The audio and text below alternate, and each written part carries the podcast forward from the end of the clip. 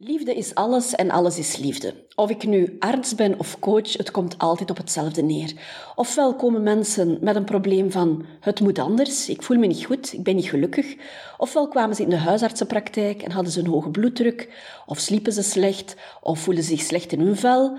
En dan kwam het ook dikwijls op hetzelfde neer. Ik ben niet gelukkig in de liefde. De liefde vindt mij niet, ik kan de liefde niet vinden, het werkt niet, ik weet niet hoe het moet. En inderdaad, hoe zouden we weten hoe het moet? Omdat we ooit een romantische film bekeken hebben. Je leert het niet echt op school. Hè? Je leert het omdat je hoort van vrienden hoe het moet of niet moet. Je krijgt ook wat raad van je ouders. Maar of dat dan de beste raad is, dat is nog maar de vraag. In elk geval, je begint aan relaties, je wordt erin gesmeten, je bent verliefd, je doet maar wat. En soms loopt het helemaal fout of loopt het meerdere keren fout. Tot je op een moment gaat zoeken en, en denkt van, wat is het nu? Wat is nu het recept voor een goede relatie? Zelf ben ik een voorbeeld van zoeken en vinden. Ik ben verre van perfect en ook in relaties is het een heel lange zoektocht geweest. En vooral dan een zoektocht naar mezelf. Hè. Tuurlijk is daar je intuïtie die je moet volgen, maar een beetje kennis van hoe verliefdheid en hoe liefde werken of niet werken is toch altijd wel mooi meegenomen. Vandaar deze aflevering. Van harte welkom bij de podcast van Dr. Geluk. Een podcastreeks waarbij je weer een stapje dichter komt bij je allerbeste leven.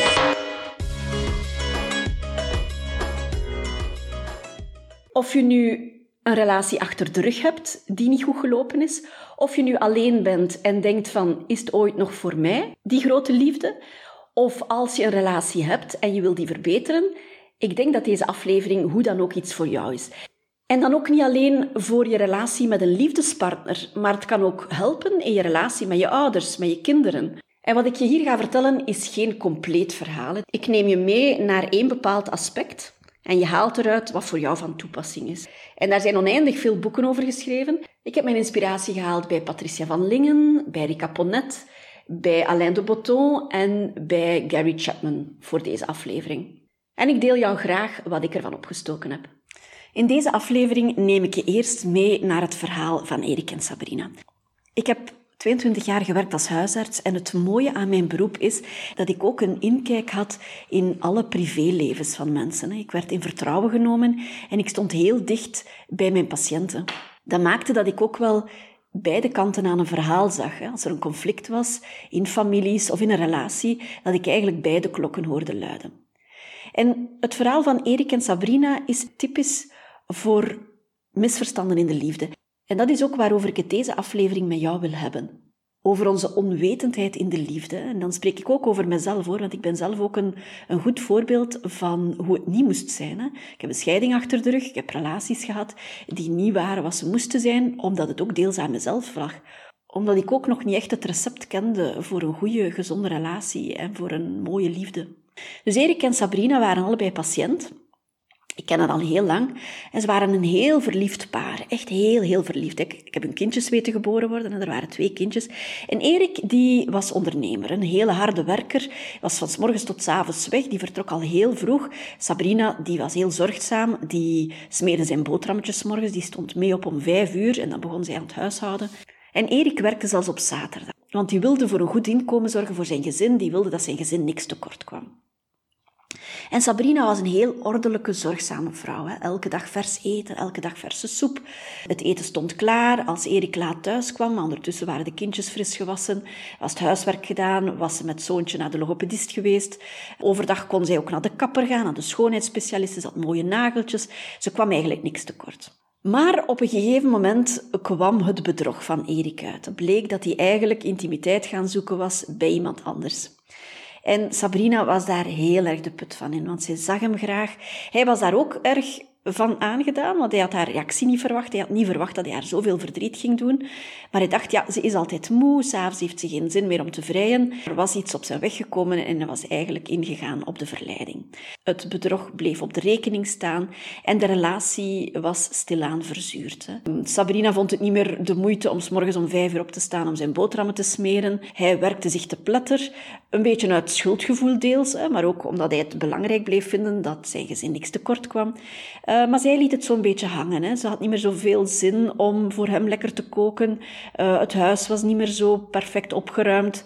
Hij gaf haar dan daar ook geen complimentjes meer over. Hij gaf eerder ook opmerkingen over dat slordig huis. En van weerskanten werd er van alles doorgestoken. De ergernissen werden groter, de verwijten werden frequenter. Tot op een gegeven moment dat Sabrina verliefd werd op de tuinman. Want de tuinman die kwam regelmatig langs. En die tuinman die was altijd heel vriendelijk en die gaf haar een complimentje van je ziet er goed uit. En op een gegeven moment had hij zelfs bloemen geplukt uit de tuin voor haar. Ze was daar zo van gecharmeerd dat ze eigenlijk wel wat verliefd geworden was op hem. Zij heeft Erik niet bedrogen, maar ze heeft daar wel heel veel mee in de knoop gezeten. Hè. Ze vertelde dat verhaal, er was dan ook een diepe crisis op dat moment. Hè. Waarom zou ze nog voor Erik kiezen, zei ze, van ik, ik heb niks aan die man, die is altijd weg. En die, die tuinman, ja, die was er precies voor haar. Dat was precies de ideale man. En waar was het dan allemaal misgegaan? Hè? Hij was een harde werker. Hij had geleerd van oké, voor je gezin moet je zorgen, je moet je verantwoordelijkheid nemen. Maar eigenlijk wilde die man na zijn werk, die wilde eigenlijk niet zo lang werken. Die wilde gewoon thuiskomen. Die wilde vroeger thuiskomen. Die wilde rustig in de zetel zitten naast zijn vrouwtje op de bank. Die wilde die gezelligheid. Die wilde dicht bij haar zitten. Zij had geleerd van kijk, in het huishouden en in je huwelijk moet je een goede huisvrouw zijn. Moet je zorgen dat je huis proper ligt. Dat je goed kookt voor je man. Dat je hem helpt met alles, zodanig dat hij kan gaan werken. Zij wilde een complimentje krijgen. Zij wilde tijd doorbrengen met haar man. In het begin had ze nog wel eens een cadeautje gekregen, maar dat was jaren geleden. En als ze iets vroeg of als ze daarover iets zei, dan zei je, ja, maar je mag toch alles hebben? Je hebt toch mijn bankkaart? En ik gebruik deze relatie als voorbeeld van, ik heb er nooit aan getwijfeld dat die mensen elkaar graag zagen. Hè. Die wisten ook niet wat de ingrediënten waren van een goede, gezonde relatie. Die hadden het niet geleerd, maar het liep de verkeerde kant uit. En je kan geen van beiden kwalijk nemen dat het zo gelopen is. Met de ander beter te maken of met jezelf beter te maken. Dus je eigen groei, je eigen ontwikkeling, dat is allemaal van geen belang. Het is goed zo, het mag zo blijven, jij bent blij met de ander, de ander is blij met jou en zo kan het wel verder. Dus eigenlijk een soort obsessionele liefde, als het ware. Maar na twee jaar, dan ineens, ja, dan verdwijnt die roze wolk en dan kom je met een smak op de grond terecht met je beide voeten en dan is daar de realiteit. Hè. En om dan niet in de sleur te geraken of om dan het niet op te geven, want ja, bij een volgende verliefdheid heb je weer hetzelfde aan de hand. Hè. Dat, dan gebeurt weer net hetzelfde. En dan uh, ja, begint alles weer van vooraf aan, eh, tot gemiddeld twee jaar nadien. Hè. Dus om dat te voorkomen, is belangrijk dat je gaat weten hoe je de liefde in stand kan houden en hoe je de liefde mooi kan houden. En nogmaals, alles wat ik ga zeggen gaat vooral in het teken staan van de liefde tussen twee partners. Maar je kan dat op alles toepassen. Hè? Je kan dat zelfs toepassen op de liefde naar jezelf toe. In een liefdesrelatie is het belangrijk dat je elkaar blijft begrijpen. Hè? Tijdens een verliefdheid lijkt dat vanzelf te gaan, maar dat is een illusie. Want ik weet niet of je de ander begrijpt. Hè? Liefde is blind, zeggen ze, maar liefde is ook doof. Hè?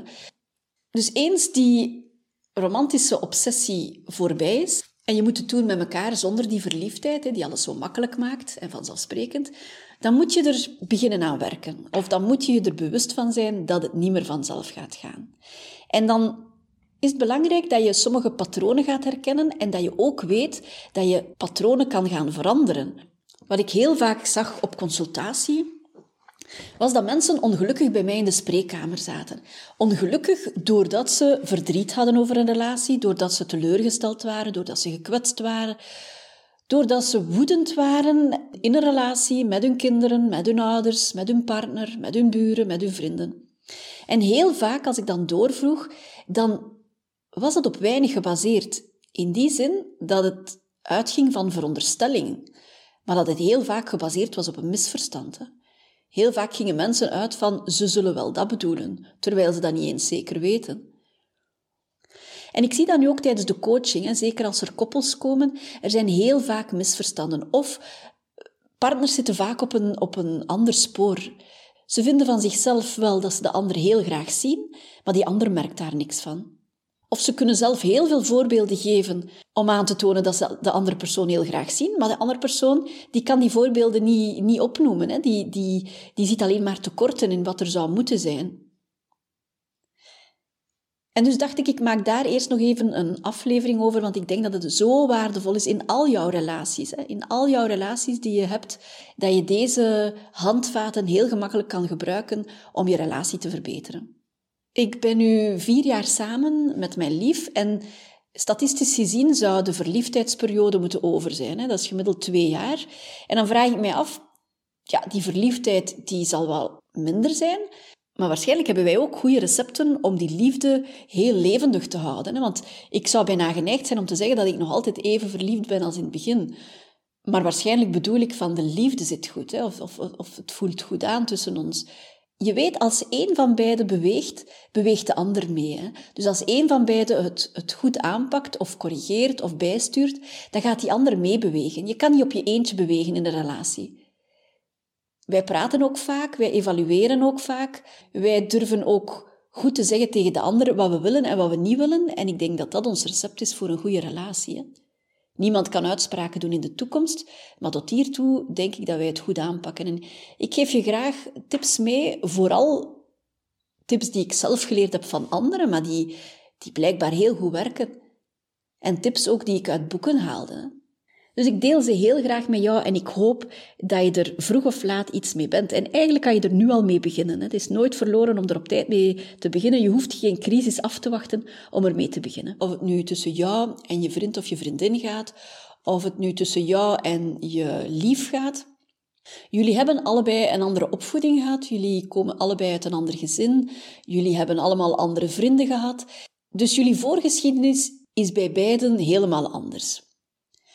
Daar zijn bepaalde aannames bij, daar zijn bepaalde vooroordelen bij, daar zijn patronen ontwikkeld. Geen wonder dat er zo vaak misverstanden zijn. Dat kan gewoon niet anders. En dan is het belangrijk om die ander te begrijpen. En ik zou zeggen, probeer vooral in, het, in de andere het goede te zien, eerst en vooral. Ga niet paranoïde reageren, ga niet te bitter worden, ga niet wantrouwig zijn.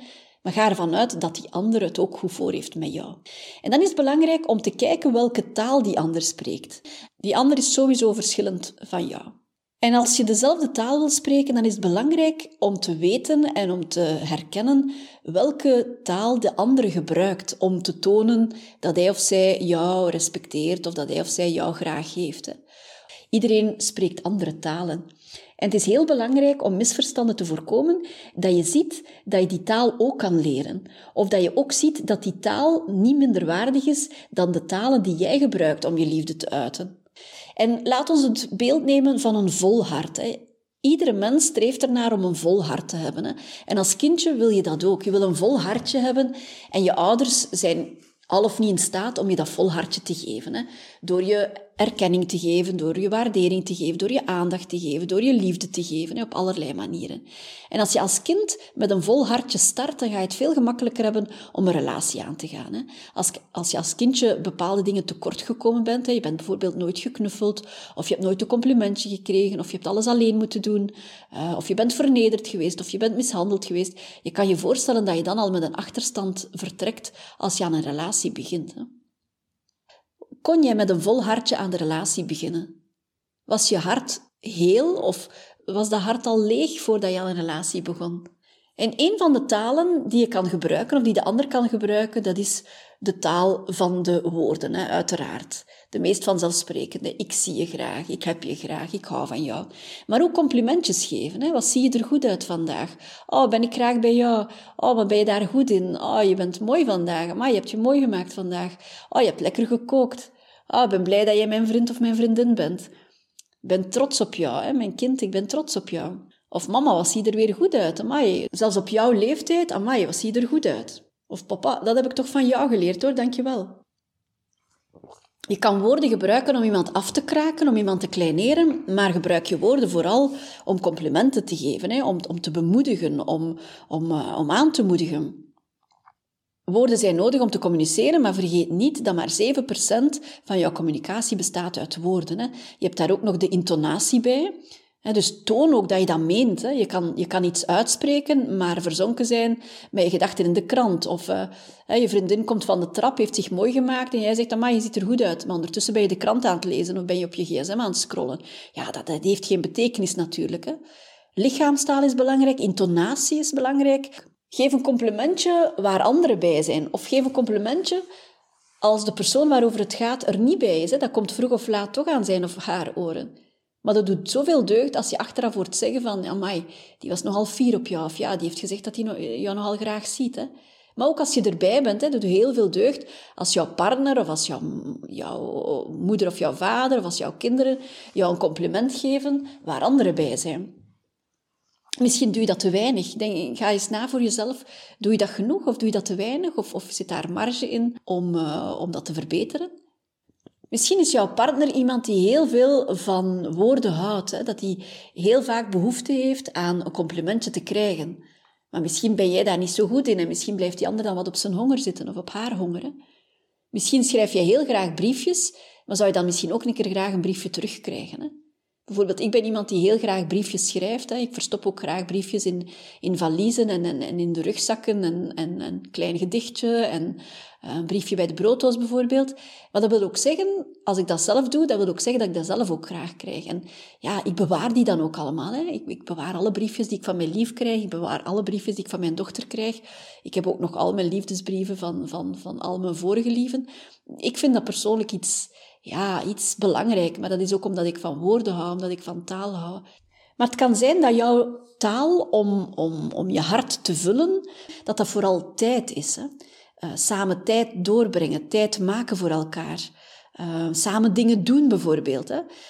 Klassiek is, is het koppel, de rijkere medemens zal ik zeggen, hè, die heel dure cadeaus voor zijn vrouw meebrengt, maar die eigenlijk nooit tijd heeft om met haar eens weg te gaan. Hè, die zo hard werkt hij koopt wel een, een, een, dure auto voor zijn vrouw en uh, af en toe mag ze mee naar uh, chique restaurants, maar dat is dan met andere zakenpartners bij bijvoorbeeld. Maar echt tijd maken voor haar doet hij niet. Wel, geloof mij vrij, die vrouw is niet gelukkig als die ernaar verlangt om tijd met haar partner door te brengen. Hè. Je ziet ook vaak in koppels dat de ene een stil water is en dat de andere een spraakwaterval is. Ja, als je verliefd bent op elkaar, dan voelt dat elkaar natuurlijk heel goed aan. Hè? Maar het kan zijn na een tijdje dat het begint tot ergernissen te leiden. Hè? Dat de prater denkt van, zeg, de ander mag nu ook wel een keer praten, ik weet niet wat hij voelt. En dat de, het stille water denkt van, oh, met al dat gepraat, zeg, zwijg nu toch eens, ik ben al onnozel gepraat. Probeer elkaar daar ook wat tegemoet te komen. Hè? De prater kan misschien beter leren om ook eens te luisteren en te vragen en geduld te hebben tot die ander gaat praten. En de spraakwaterval kan misschien beter eens zijn mond houden. En het stille water kan misschien eens beter uh, leren om, om ook eens zijn gevoelens te uiten en daarover te praten. En samen praten is niet zomaar over koetjes en kalfjes, maar dat is echt van, kijk, wat is er gebeurd en hoe voel je je daarbij? Echt naar de emoties achter de gebeurtenissen. Je kan heel uh, beschrijvend iets vertellen zonder emotie, zonder een of andere emotie daarbij te vertellen. Maar dat is geen echt gesprek. Hè. Tussen, tussen mensen die elkaar graag zien, gaat het erom van wat voelde je daarbij? Wat waren jouw emoties? Wat heb je dan gedaan? Hoe, heb je, hoe ben je tot dat besluit gekomen? En dan krijg je een echt gesprek. Hè. En tijd voor elkaar maken kan ook bijvoorbeeld zijn door samen dingen te doen. Niet alleen door samen te praten of door gewoon samen op hetzelfde moment thuis te zijn, maar ook dingen samen te doen. En het kan zijn dat je dezelfde dingen graag doet en dat je die dan zonder moeite samen kan doen. Maar het kan ook zijn dat je iets doet dat je iets doet samen met de ander, waarvan dat je weet dat die ander dat zo plezant vindt. Hè. Stel, jij houdt van cultuur, jouw partner gaat liever naar een sportwedstrijd. Misschien is het goed dat jij de ene keer meegaat naar een sportwedstrijd en dat jouw partner met jou eens meegaat naar een theatervoorstelling bijvoorbeeld. En ideaal is natuurlijk als je dezelfde dingen graag doet. Dat is natuurlijk het gemakkelijkste. Maar weet als je die zogezegde opoffering doet, dat je dat doet uit liefde. En dan is dat veel minder een opgave. Hè? Als je weet dat je partner daarmee blij maakt ook voor, voor andere relaties dan je partner bijvoorbeeld. Hè? Als jouw vriendin graag met jou tijd doorbrengt in plaats van uh, een brief te krijgen of een berichtje te krijgen of een cadeautje te krijgen, maar die wil gewoon met jou eens een avondje weg om, om te kunnen vertellen, om bij jou te zijn of om samen met jou ergens naartoe te gaan of naar een concert te gaan. Dat is ook een manier van liefde geven en liefde tonen. Hè? Dingen samen doen, tijd maken voor elkaar, dat echt op de kalender zetten en zeggen van kijk, dat maken we vrij voor elkaar, hè. we gaan dat plannen. Ik ga misschien andere dingen afzeggen, maar ik ga nu tijd maken en ik ga die, die tijd aan jou geven. Hè. En het voordeel is dat je zoveel herinneringen kan maken waar dat je nadien nog kan opteren. Hè. Een andere manier om je, om je hartje te vullen, is een cadeautje krijgen. En dat zien we in alle, alle, alle culturen. Eh, de aard van de cadeaus verandert dan natuurlijk. Maar in alle, alle culturen en door de geschiedenis heen is iets geven aan elkaar een uiting van elkaar graag zien. Je ziet dat als je op bezoek gaat bij elkaar, je ziet dat als iemand uh, jarig is bijvoorbeeld, of als je ja, iemand je appreciatie wil tonen, of als iemand zijn hart wil veroveren, dat je iets koopt voor de ander of iets geeft aan de ander. Het moet niet zozeer gekocht worden, het kan ook zijn dat de ander jou iets gemaakt heeft. Of dat hij iets gevonden heeft en dat hij zegt, kijk, ik heb dat gevonden, ik heb dat op de kop getikt, misschien kan jij daar iets mee doen, ik heb het voor jou meegebracht. Hè? Jij verzamelt schelpen, wel, ik heb uh, onlangs, was ik aan zee, en ik heb een mooie schelp voor jou, uh, ik heb ze gevonden en, en kijk, ik, jij mag ze hebben, ik geef ze graag aan jou. Of ik zag deze oorbelletjes op een marktje op mijn vakantie en ik dacht, die zijn zeker voor jou, dus ik heb jou die meegebracht. Hoe blij kan iemand daarmee zijn als hij dat krijgt dan? Hè? En dat heeft niks te maken met hoe duur of hoe goedkoop dat dan is. Hè. Het, is het gaat om de attentie. Maar ook daar weer de rijke zakenman die zijn vrouw paait met uh, iets goedkoop kan misschien wel een bron van ergernis zijn als zij weet van, kijk, hij heeft geld genoeg en hij is te gierig om nu iets aan mij te geven. Dus ook daar weer, ja, geld is sowieso een issue op zich. Over geld kan je ook al een, een, een, aparte aflevering maken. Het gaat over geven en nemen. Wat is het, het belang van geld voor iemand? Hoeveel kan iemand geven? Hoe gierig is iemand? Hoe spaarzaam is iemand? Dat komt ook voort van vroeger. Hè. Uit welk patroon komt dat voort? Uit welke opvoeding komt dat voort? Maar sowieso, iedereen is altijd blij als hij iets krijgt. Hè. Ik herinner mij, ik was jarig vorig jaar, wij waren toen op vakantie. En uh, ja, praktisch gezien was dat niet gemakkelijk om daar iets te vinden. Ik, ik kreeg daar wel iets, maar mijn cadeau zou nog volgen. Nu, voor mij, ja, een verjaardag vind ik heel belangrijk. Ik onthoud ook heel veel verjaardagen van anderen. Dus een verjaardag, ja, dat kan... Dat komt waarschijnlijk al voort vanuit mijn kindertijd, maar ik vond, verjaardag vind ik heel belangrijk. Nu, dat officiële cadeau, zal ik zeggen, hè, had ik nog niet gekregen. En ik zat daar toch wel wat op te kouwen. Hè. Af en toe kwam dat naar boven, als het woord verjaardag viel bijvoorbeeld. Tot, op een gegeven moment dat ik dat toch eens doorstak aan mijn lief, van ja, ik heb nog altijd niks gekregen. Ik voelde me eigenlijk als een klein kind terwijl ik dat zei. Hè.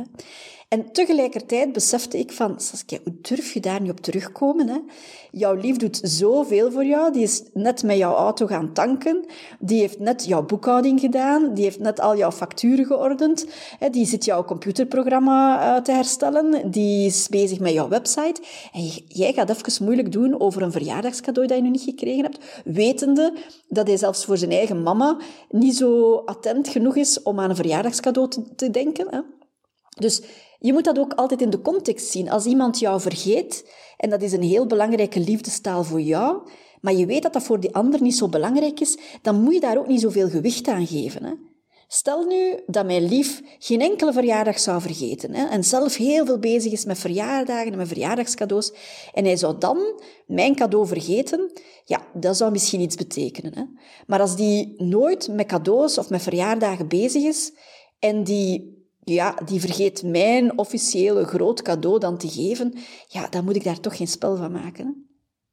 Maar in mijn optiek, als ik de verjaardag van mijn lief zou vergeten, dat zou heel wat meer betekenen. Want ik vergeet nauwelijks verjaardagen. Laat staan dat ik dan de verjaardag van mijn lief zou vergeten. Dat zou wel heel veel betekenen als ik dat zou vergeten. Dat wil zeggen dat ik met mijn gedachten ergens anders zit en dat ik het eigenlijk helemaal niet, of dat ik hem niet belangrijk vind. Zie je? Dus vooraleer dat je kritiek hebt op de ander, of vooraleer dat je de ander gaat verwijten dat hij jouw liefdestaal niet spreekt, moet je eens nagaan van, is dat wel een belangrijke liefdestaal voor de ander? Hecht hij daar wel belang aan?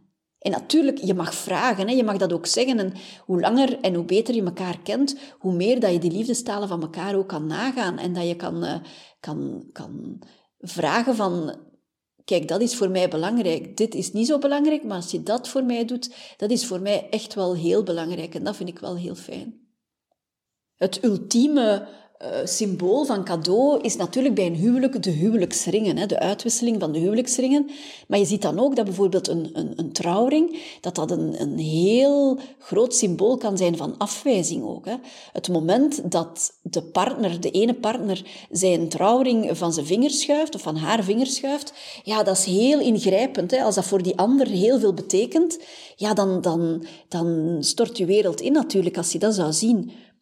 Er wordt soms met trouwringen gegooid. Mensen vertelden dat ook op consultatie. Ik denk dat het echt gedaan is, want hij of zij heeft haar trouwring of zijn trouwring afgedaan. Of sommige mensen eh, zijn al heel gekwetst voordien. Hè. Ze zijn gehuwd en een van beide partners zegt van ik vind dat niet zo fijn een trouwring en dat jeukt en ik moet die altijd afdoen als ik mijn handen was en dit en dat. En die legt die trouwring gewoon in de kast. Ja, voor de andere partner kan dat heel kwetsend zijn. Als dat belangrijk symbool van verbondenheid of van dat huwelijk, van dat afgesloten huwelijk, niet gedragen wordt, zie je? Maar ook daar heb je een verschillend idee daarover.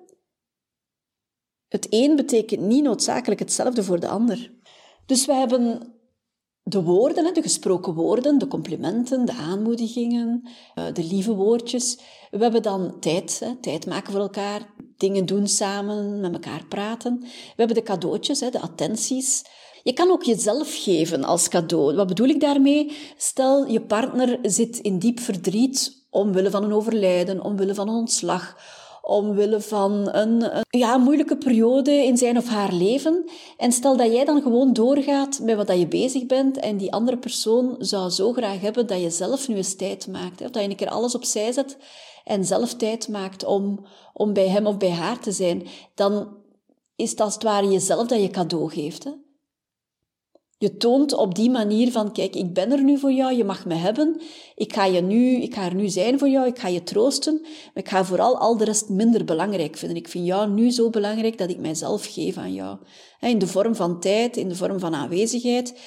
Stel, iemand vindt een verjaardag heel belangrijk en net die dag heeft die partner uh, afgesproken om met zijn vrienden of zijn vriendinnen weg te gaan. Die is dat helemaal vergeten, want die vindt dat zelf waarschijnlijk niet zo belangrijk.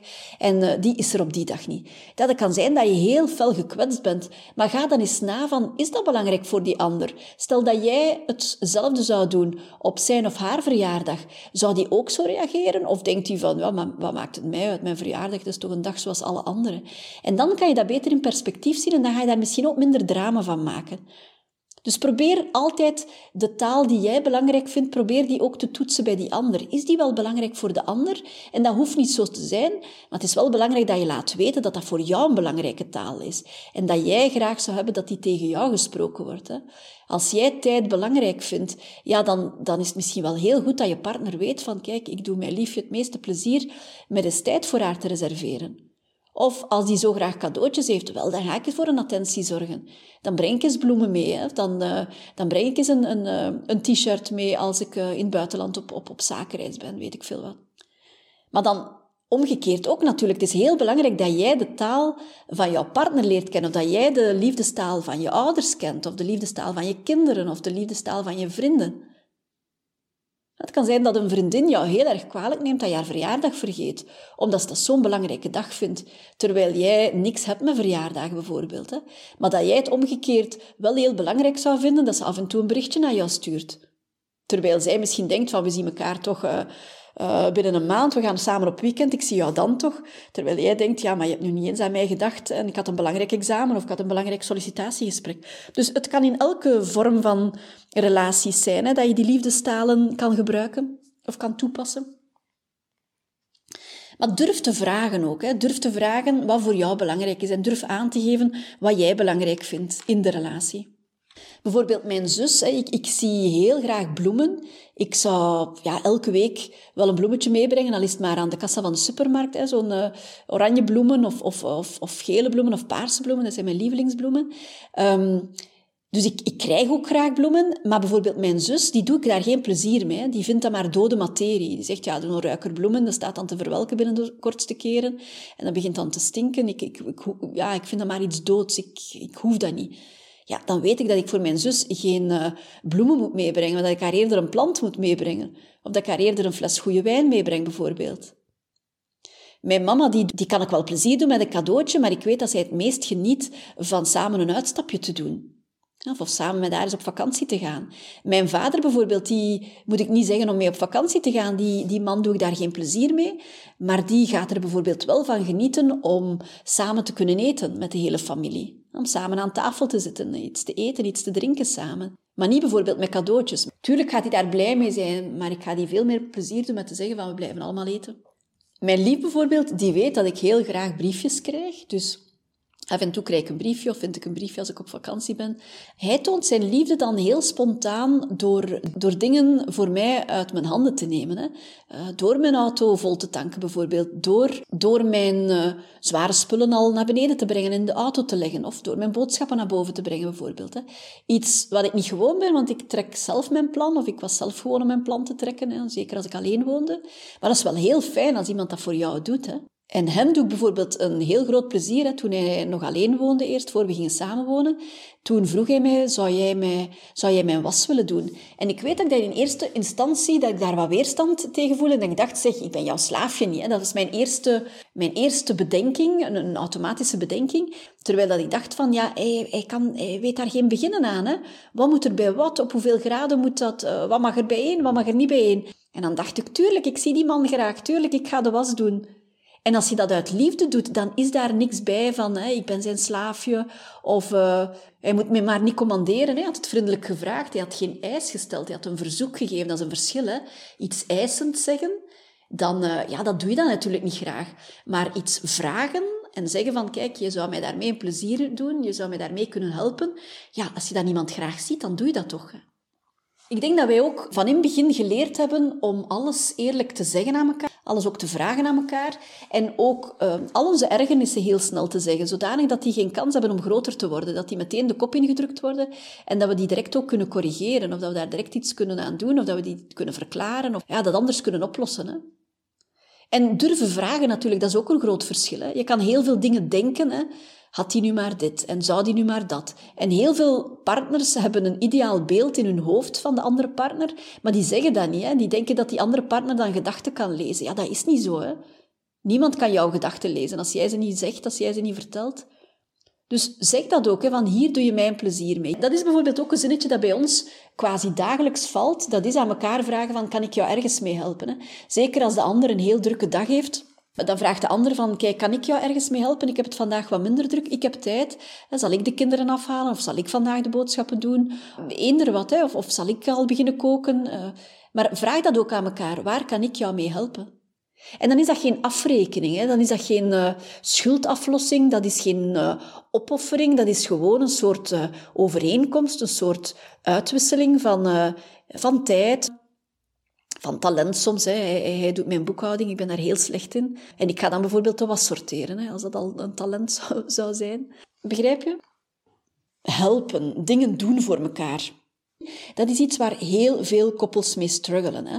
Heel veel koppels zijn tweeverdieners, hebben het allebei heel druk, te druk. Ik denk dat er heel veel Vlamingen veel gelukkiger zouden zijn als het minder druk zou zijn in hun leven, als ze minder zouden werken. Maar dat is dan een ander onderwerp. Maar bijvoorbeeld bij tweeverdieners die allebei buitenshuis werken, dan is het bijna een eeuwige discussie van wie doet wat. Hè. En ook daar dan durf te vragen, hè, kom overeen, wie doet wat, wie doet wat wanneer. En zeker als dat jouw liefdestaal is, van helpen of geholpen worden, dan kan dat heel dikwijls voor ontgoocheling of voor kwetsuren zorgen. Dan denkt zij van, uh, verdorie, nu zij de vaatwasser aan het leeghalen, maar die zware boodschappen staan nog beneden in de auto. Hij zou beter dit doen. Een vaatwasser, ja, dat is licht werk, dat kan ik zelf beter doen. Hè. Of hij heeft nog een hemd nodig en staat daar te strijken, terwijl zij uh, in een boekje zit te lezen, omdat ze denkt van, ik heb vandaag al vijf taakjes gedaan, ik ga nu even uitrusten. Maar durf dat ook te vragen in plaats van jouw innerlijke monoloog verder te zetten van zie je wel, zie je wel, ze zou beter dit of hij zou beter nu dat. En dat is niet elkaar commanderen, hè? dat is laten weten van ah, ik zou dat fijn vinden als jij dat doet. Of dat is jouw eh, appreciatie uiten als het gedaan is, zodanig dat die ander volgende keer weet van ah ja, daar doe ik hem of haar een plezier mee. Ah ja, fijn dat ik dat weet. Zeg welke taken jij het liefste doet. Zeg welke taken je graag zou hebben dat de ander doet. Uh, in plaats van dat in stilte allemaal op te kroppen, op te kroppen tot als die bom gaat barsten. En, dan, uh, en het op de rekening te zetten die nadien toch gepresenteerd wordt. Hè. Daar ziet jullie niks mee. Het kan zijn dat bijvoorbeeld orde voor de andere persoon zo'n issue is dat hij niet kan verdragen dat jij niet opruimt, bijvoorbeeld. Ja, dan is dat ook een kwestie van respect en van liefde dat je dan toch een beetje meer moeite gaat doen om op te ruimen. Hè. En als jij dan heel veel last hebt van uh, rondslingerende vuile kleren, wel, dan is het ook een kleine moeite voor de ander om dat gewoon in die wasmand te deponeren. En dat is dan uit liefde gedaan. Hè. Niet omdat het moet, niet omdat je gecommandeerd wordt, niet omdat er anders weer ruzie zal zijn, maar gewoon als je de ander graag ziet, ja, dan heb je dat ervoor over om dat extra tandje bij te steken op dat gebied. De manier waarop je iets zegt, of, waarom dat je iets duidelijk maakt, is ook daar weer heel belangrijk. Ik zei het al, uh, je woorden zijn maar 7% van de communicatie, maar de toon waarop je iets zegt, de lichaamshouding, als jij met een lang gezicht rondloopt en, en stampvoetend de keuken binnenkomt en die vuilzak staat weer niet buiten, ja, dat is iets helemaal anders dan, schatje, wil jij de vuilniszak nog buiten zetten, want mijn rug doet wat pijn en zou jij dat willen doen? Dat is een heel andere soort van communicatie dan. Denk maar altijd van, oké, wil ik gelijk of wil ik geluk?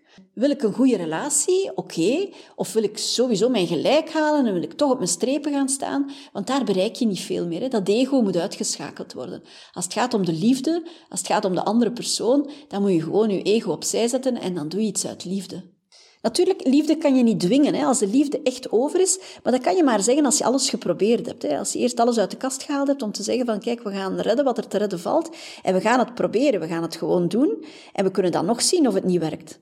Want ik garandeer je, als je niet verandert, dan ga je gewoon datzelfde patroon meenemen naar een volgende relatie. En dan gaat ook die volgende relatie geen kans op slagen hebben. En als je kritiek hebt op de ander, meestal zegt die kritiek ook iets over jouzelf. Wat triggert jou dan precies? Is de ander te assertief? Ja, misschien ben jij te weinig assertief. Hè?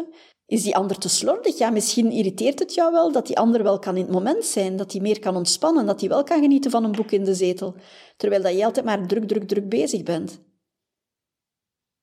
Kijk naar de rollenpatronen, kijk naar jullie respectievelijke opvoeding, de aannames, de vooroordelen die spelen. En ga daar eerder over praten dan, dan over de feiten. Kijk wat erachter ligt. Kijk welke emoties dat oproept bij de anderen en waar die uit voortkomen. En je gaat een veel waardevoller gesprek hebben dan alleen maar zitten te vitten op elkaar. Er is dan nog een liefdestaal en dat is de lichaamstaal van de fysieke aanraking. Je zou denken van, oh ja, hè, elke man heeft dat wel. Dat is niet zozeer. Hè. Er zijn vrouwen die ook, de taal, die, ook die taal uh, van de liefde spreken, die graag, daarom niet zozeer seks, maar die heel graag geknuffeld worden, die heel graag gekust worden, die heel graag naast elkaar op de bank zitten, die graag hand in hand lopen bijvoorbeeld. Hè. Kindjes kunnen dat ook hebben. Hè. Als, die s'avonds, als je van je werk komt en je kindje springt op jou of je kindje kruipt op jou in de zetel en begint in je haar te woelen, dan is dat waarschijnlijk een kindje dat heel veel fysiek contact nodig heeft. Hè. Ga daar dan ook op in en ga dat kindje ook extra knuffelen, want dat is een kindje dat heel veel fysieke aanraking nodig heeft. Hè. En als hij dat niet krijgt, dan komt hij misschien later in de problemen. Het kan zijn dat iemand van huis uit niet gewoon is van te knuffelen, maar dat hij wel behoefte heeft aan lichamelijk contact. Dat hij misschien zelf niet de eerste stap gaat zetten, maar die dat wel fijn vindt als je dicht uh, naast hem of naast haar kruipt in de zetel. Hè. En vrijen is daar een onderdeel van, maar er is veel meer dan alleen maar uh, de liefde bedrijven. Hè. Je kan uh, een kus geven bij het weggaan bijvoorbeeld. Hè, en zeggen van voorzichtig onderweg en een kus geven. Dat kan al heel veel voor, voor, verbinding zorgen. Misschien is het fijn als iemand eventjes over je rug streelt. Hè. Of als je getroost wilt worden en iemand zegt van kom, ga je eens dik vastpakken. Of dat dat nu in jouw liefdesrelatie is, of dat dat nu bij vrienden is, of bij je ouders, of bij je kinderen. Maar eens een knuffel geven doet zoveel deugd. Hè. Daar komen oxytocines vrij. Het kan zijn dat je daar minder behoefte aan hebt en dat je eerder een complimentje nodig hebt. Of dat je eerder uh, praktische hulp nodig hebt, bijvoorbeeld als je druk hebt. Dat je niet zozeer nood hebt aan die fysieke aanraking, maar dat je liever hebt dat iemand voor jou wat uit, uit je handen neemt. Maar probeer dat ook bij elkaar te ontdekken van, hè, vindt hij dat belangrijk of niet? Nu, ik denk dat de meeste mensen wel kunnen genieten hè, van fysieke aanraking. Maar het kan ook zijn dat je iets meegemaakt hebt in je verleden, waardoor dat, dat een bepaalde trigger is. En waardoor dat je in overlevingsmodus schiet, of waardoor dat je gaat eh, bevriezen of gaan verstijven bijvoorbeeld, dat je dat niet graag hebt. Ook daar kan je dan over praten en zeggen van, wat heb je dan wel liefst? Ik, ik ga niet vrijen met jou, maar mag ik jou gewoon knuffelen? Of mag ik gewoon mijn hoofd op je schouder leggen? Of mag ik gewoon je hand vasthouden bijvoorbeeld? Hè? Om daar vandaar dan ook weer verder te groeien. Sommige mensen vinden het fijn als in het openbaar uh, als koppel gezien kunnen worden. Hè? Dat je bijvoorbeeld op een feestje aankomt en dat jouw partner jou een hand geeft. Of zijn hand om, om, om jouw schouder legt bijvoorbeeld. Hè? Dat iedereen kan zien van, kijk, ze hoort bij mij. Anderen vinden dat misschien niet belangrijk, gaan daar geen aandacht aan geven. Maar ik heb al koppels gehad die heel ongelukkig waren, omdat ze bijvoorbeeld op een feestje genegeerd worden door hun of haar partner. En die daar uh, ja, heel ongelukkig van worden, van is zij of hij wel fier op mij? En die daar zoveel betekenis aan geven, terwijl dat die partner daar, daar zelfs nog niet eens bij stilgestaan heeft. Heel veel koppels die ik apart zie, die zijn er rotsvast van overtuigd dat ze de ander graag zien en dat de ander dat ook zou moeten weten. Tuurlijk zie ik haar graag, dat weet ze toch wel. Terwijl als ik hen afzonderlijk zag, dan weet die ander dat niet omdat juist die ene liefdestaal waar ze zo op wachten of waar ze zo naar uitkijken, dat die niet gesproken wordt of niet gehoord wordt. En dan heb je bijvoorbeeld het klassieke verhaal van de hardwerkende man, die bijvoorbeeld voor zijn gezin, die altijd van huis weg is en die promotie maakt op het werk of die altijd weg is voor zijn zaak. En de spaarrekening staat goed gevuld en ze wonen in een groot huis en in de zomer komt er een zwembad en um, ze hebben een mooie auto en mevrouw mag kopen wat ze wil en mag terug een nieuwe handtas kopen, maar is doodongelukkig. Waarom? Omdat ze eigenlijk andere dingen nodig heeft. Terwijl die man, die misschien in armoede opgegroeid is, zijn grootste liefdestaal is van ik ga jou tonen dat ik jou graag zie, door hard voor jou te werken, hè, door om vijf uur s morgens op te staan en naar mijn werk te vertrekken en hard te werken, zodanig dat mijn vrouw en mijn kinderen niks tekort komen. En dat is het typische geval van uit elkaar groeien, want die vrouw die ziet die signalen niet en die ziet die liefdestaal van haar man niet. En hij begrijpt niet waarom zij klaagt en zaagt, want ze heeft toch alles om gelukkig te zijn. Tot als je die man daar dan op wijst en zegt van ja, maar je vrouw zou misschien meer hebben als jij gewoon zaterdag eens thuis blijft en met haar naar de markt wandelt, of met haar gaat fietsen, of met haar ergens een pastatje gaat eten, of, of, of naar de zee met haar en eens praat over, over wat haar bezighoudt. En dan vallen die uit de lucht en dan zeg je, ah ja, ja dat kan ook. Maar die waren zo gefixeerd op dat doel van ik ga mijn vrouw een goed leven bezorgen en, en ik ben hard aan het werken voor een goed pensioen, dat we een gelukkige oude dag hebben samen. Maar dikwijls komt die oude dag er samen niet, want die vrouw is misschien al weg voordien. Hè? Een heel klassiek verhaal, maar het komt heel vaak voor. Hè? Je hebt ook de vrouw bijvoorbeeld anderzijds, die heel druk bezig is met alles te regelen en perfectionistisch te willen zijn en heel lekker voor haar man te gaan koken, maar die s'avonds zo moe is dat ze eigenlijk geen zin meer heeft om te vrijen. En die man denkt, ja, wat ben ik ermee dat zij zo goed gekookt heeft voor mij? Tuurlijk is zij een, een goede kokkin. Maar ik zou veel liever hebben dat ze bij mij in de zetel zit s'avonds en dat ze haar hand eens op mijn been legt en dat we gewoon wat vroeger gaan slapen en dat ze in mijn armen komt liggen in plaats van uitgeput in bed direct in slaap te vallen. Zo ook daar weer, begrijpt zij dan niet zijn liefdestaal en denkt zij van, ja, ik kook toch lekker. Dus om nog eens te herhalen, je kan woorden gebruiken om te tonen dat iemand graag ziet. Je kan gaan helpen. Je kan tijd maken voor iemand. Je kan attentie geven, cadeautje geven. En je kan door fysieke aanraking tonen dat je elkaar graag ziet. En probeer na te gaan wat de taal is van de ander. En probeer ook duidelijk te maken wat jouw taal is. En je gaat zien dat jouw relatie zo'n boost krijgt. Niet alleen jouw liefdesrelatie, maar gewoon je relatie met iedereen, als je daar aandacht aan geeft. En om te weten te komen wat jouw liefdestaal dan vooral is, dan moet je eens nagaan van oké, wat kwetst er mij het meest en zorgt ervoor dat ik ga twijfelen aan de liefde van de ander voor mij. En dikwijls is dat dan ook jouw liefdestaal. Hè? Bijvoorbeeld kritiek gekregen hebben een hoge kwade toon gehoord hebben. Dat wil dat zeggen dat bijvoorbeeld woorden, dat dat jouw liefdestaal zijn. Hè? Misschien voel je je verongelijkt omdat je al een week niet aangeraakt bent. Geen kus gekregen, geen omhelzing, geen seks. En misschien, ja, het feit dat je daar zo verongelijkt over voelt, dat je daar zo ongelukkig over bent, misschien is dat dan jouw belangrijkste liefdestaal. Hè? En als ik jou zou vragen van, wat doe jij voor de ander? Hoe kan de ander opmaken dat jij hem of haar graag ziet? De dingen die je dan opnoemt, ja, dat zijn waarschijnlijk ook de dingen die jij dan ook graag bij jezelf zou merken. Hè? Of waar verlang jij het meest naar? Als je zou zeggen van mijn ideale partner, dat zou iemand zijn die nu... Oké, dat is dan waarschijnlijk ook jouw liefdestaal. Hè? Maar weet dat je allebei andere patronen hebt, dat je allebei een andere opvoeding hebt, dat je allebei andere ervaringen hebt en dat de ander jouw gedachten niet kan lezen. Hè.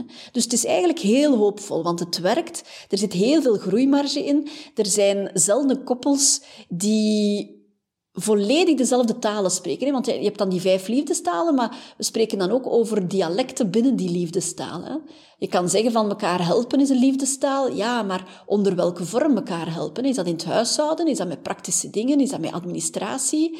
Is dat met uh, de tuin van je schoonvader gaan uh, properleggen? Is dat met uh, de kinderen, met de opvoeding van de kinderen bijvoorbeeld, of, of naar de oudercontacten te gaan? Dus je hebt daar heel veel onderdelen in, hè, in al die liefdestalen. Maar het werkt, hè. het werkt en jij kiest of je er wil aan werken. Hè. Liefde is een werkwoord, hè. dat was ook zo'n een, een, boek vroeger, dat stond bij mijn ouders in de, de gang, in de, op de boekenplank. En ik vond altijd raar, liefde is een werkwoord. Ja, ik dacht, dat gaat wel allemaal vanzelf. Ja, nee dus. Maar het is zo fijn om te weten ja, dat daar al zoveel over geschreven is en dat je daar veel kan uithalen. En dat je al die dingen kan uitproberen en ik kan je uit eigen ervaring zeggen van het werkt. Het werkt, hè. communiceren werkt. Kijken wat de ander fijn zou vinden, ja, tuurlijk helpt dat. En je weet, als jij verandert, verandert de ander ook. Ik zeg dat, ik zeg dat heel dikwijls, maar dat is ook zo. Je hoeft de ander zelfs niks te vertellen over deze afleveringen, maar probeer het eens als een experiment. Ga dat eens toepassen, zonder dat je je partner daarover aanspreekt, of zonder dat je andere mensen daarover aanspreekt. En je gaat zien wat een positieve uitwerking dat gaat hebben. En ofwel komt het vanzelf, de verandering bij de ander, ofwel niet, maar dan kan de volgende stap zijn dat jij dan vraagt wat je graag zou hebben. En ben je alleen, woon je alleen, wel, doe ook een keer die liefdestalen bij jezelf. Maak je genoeg tijd voor jezelf? Eh, koop je soms eens iets voor jezelf? Heb je soms een keer een attentie voor jezelf? Hoe spreek je tegen jezelf? Ben je heel kritisch? Ben je boos tegen jezelf? Of spreek je liefdevol? Geef je af en toe jezelf eens een complimentje? Hoe zit het met, met fysieke aanraking? Hoe lang is het geleden dat je nog eens een, een uitgebreid bad nam? Dat je voor een massage ging bijvoorbeeld? Of masturberen, dat, dat hoort daar ook allemaal bij. Hè? Zelfliefde. Al die liefdestalen die je kan gebruiken om de ander gelukkig te maken, kan je ook perfect gebruiken voor jezelf. Ik herinner me bijvoorbeeld in het begin van uh, mijn relatie met mijn lief dat ik heel uitgebreid voor hem kookte. Maar ik zocht daar receptjes op en uh, extra smaken en extra kruiden en uh, een voorgerechtje en een hapje. En ik wachtte dan op een complimentje, maar die was dan zo aan babbelen, babbelen, babbelen en dat was wel gezellig. Maar dan ja, zei die niet bepaald iets over dat eten. Tot, tot ik vroeg van, vond je het lekker? Oh ja, ja, het was heel lekker. Maar ja, Saske zei, je moet daar eigenlijk niet zoveel moeite voor doen hoor, voor mij. Want ik ben eigenlijk even content met een gewone boterham met kaas. Of ook zo, hè, de sterrenkeukens allemaal. Oké, ja, dat is wel een keer tof.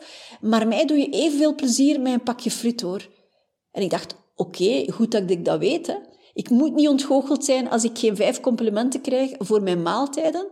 Want ik weet dat dat voor hem niet zo belangrijk is. Dus ik moet daar ook niet de tijd in steken, tenzij ik dat voor mezelf wil hè, of voor iemand anders, maar niet zozeer om hem mijn liefde te, te betonen. Hè. Ik kan dat beter op een andere manier doen, bijvoorbeeld door de keukentafel af te ruimen. Of door te zorgen dat de eettafel in de living dat die ordelijk ligt zonder mijn rommel erop. Maar stel dat je dat allemaal niet uitspreekt en dat dat maar na verloop van tijd, hè, dat dat heel veel tijd eh, kan sluimeren en dat die bom dan ooit barst en dat ik zou uitvliegen van ik zit hier altijd voor jou te koken en hij zegt ik nooit dat lekker is. En dat hij dan zou zeggen, maar eigenlijk vind ik dat niet zo belangrijk, want ik, ik, ik heb niet zo'n uh, verfijnde smaak. En, en eigenlijk, ja, ik vind dat zonde van de tijd dat je daarin steekt. zou liever hebben dat je andere dingen doet. Om maar te zeggen. Maar praten, praten, praten om misverstanden te vermijden. Want misverstanden zijn dodelijk voor elke relatie. Welke relatie dan ook, misverstanden maken alles kapot. Dus in plaats van verbinding ontstaat er gewoon ja, verwijding. Oh ja, en wat mijn verjaardag betreft, dat is helemaal goed gekomen. Een tijdje geleden heeft mijn lief mij getrakteerd op een weekendje in het buitenland in een heel tof hotelletje met een uitgebreid ontbijtbuffet waar we heel veel gewandeld hebben en waar we heel veel tijd kunnen doorbrengen hebben samen. Dus dat is helemaal goed gekomen. Voilà, ik zou zeggen, probeer het eens uit. En je gaat zien dat je leven zoveel mooier wordt, zoveel rijker, dat de relatie zoveel beter wordt. Ik ben heel erg benieuwd, als je er iets aan hebt, geef dan alsjeblieft een review aan deze podcastaflevering. Je kan mij eh, sterren geven bij Apple Music, of je kan een review schrijven. Je kan deze aflevering ook delen met je vrienden of met je vriendinnen of met je partner. Abonneer je, zo kan ik naar boven gaan in de ranking en geef mij een, eh, een review, oké? Schrijf mij, mail mij, laat mij iets weten. Je kan mij bereiken op Instagram, je kan mij bereiken op Facebook. Je kan naar een inspiratieavond komen. Je kan je inschrijven voor je nieuwsbrief. Je vindt mij terug op www.doktergeluk.com. Ik ben er terug volgende week. Houd veilig, houd gezond en houd vooral gelukkig. Dag!